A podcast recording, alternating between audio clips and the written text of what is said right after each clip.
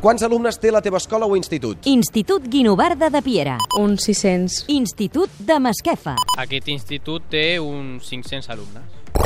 Com li dieu popularment entre vosaltres a l'institut? Institut de Masquefa. Nosaltres li diem insti. Institut Guinovarda de Piera. I és, i és Guinovarda. Què és el que menys t'agrada de l'escola? Institut Guinovarda de Piera. Les classes que són una mica avorrides. La de matemàtiques es fa passada. I les de castellà a última hora. Institut de Masquefa. El que menys m'agrada d'aquest institut és estudiar. Què és el que més t'agrada d'aquesta escola? Institut de Masquefa. El que més m'agrada d'aquesta escola són els companys. Institut Guinovarda de Piera. L'educació física, perquè ho fem al pati.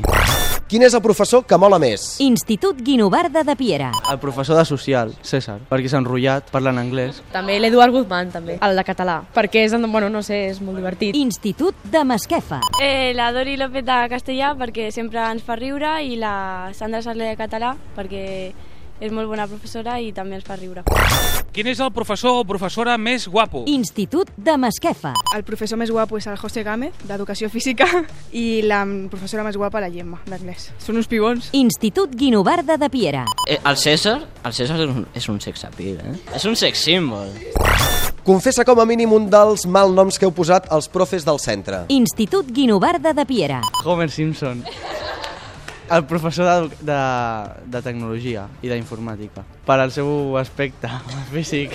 Institut de Masquefa. A una professora li dèiem sargento perquè m'agradava molt. Quin és el professor que fa més por? Institut de Masquefa. La professora que fa més por respecte és la Laura León de Socials. Tot i això és la meva preferida. Institut Guinovarda de Piera. La Yolanda, la de matemàtiques. Fa molta por. Voleu dir alguna cosa per acabar? Institut Guinovarda de Piera. Institut Guinovarda de Piera. Qui és optimista?